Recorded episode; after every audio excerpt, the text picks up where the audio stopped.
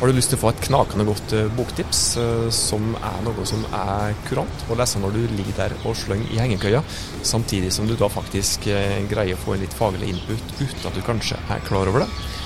Velkommen til dagens utgave av Hausfolket sin hengekøyespesial med superstutt sommertips.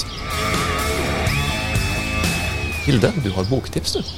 Ja, det har jeg tenker at eh, ferietid det er ofte også boktid for mange. Går an å finne litt eh, mer tid eh, i løpet av en dag til å blåde til bok.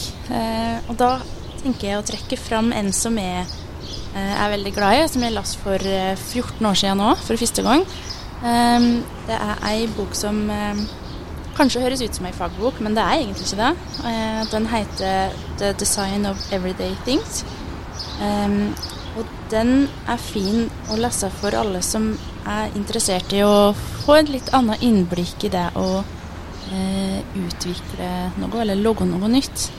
Eh, den tar f.eks. Vi skal trekke fram én ting, da. Så eh, hører du der historia om hvordan bestikk er logga slik som det er logga. For det er en grunn til at ting, eller at bestikket ser ut som det gjør, f.eks. gaffelen.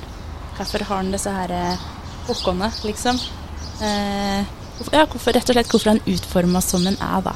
Og det, vi får litt innblikk i eh, tankegang mot eh, liksom, den her brukeren da, som skal bruke dem, og hva som fungerer og ikke fungerer, og hvordan man må kanskje omstille seg eller gjøre endringer på ting før det blir perfekt.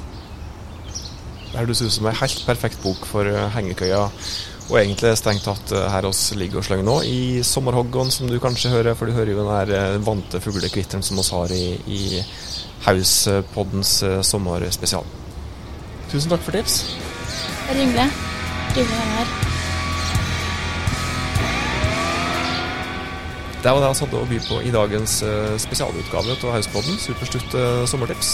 Lettbeint og bærføtt fra hengekøya i sommerhoggene til Haus.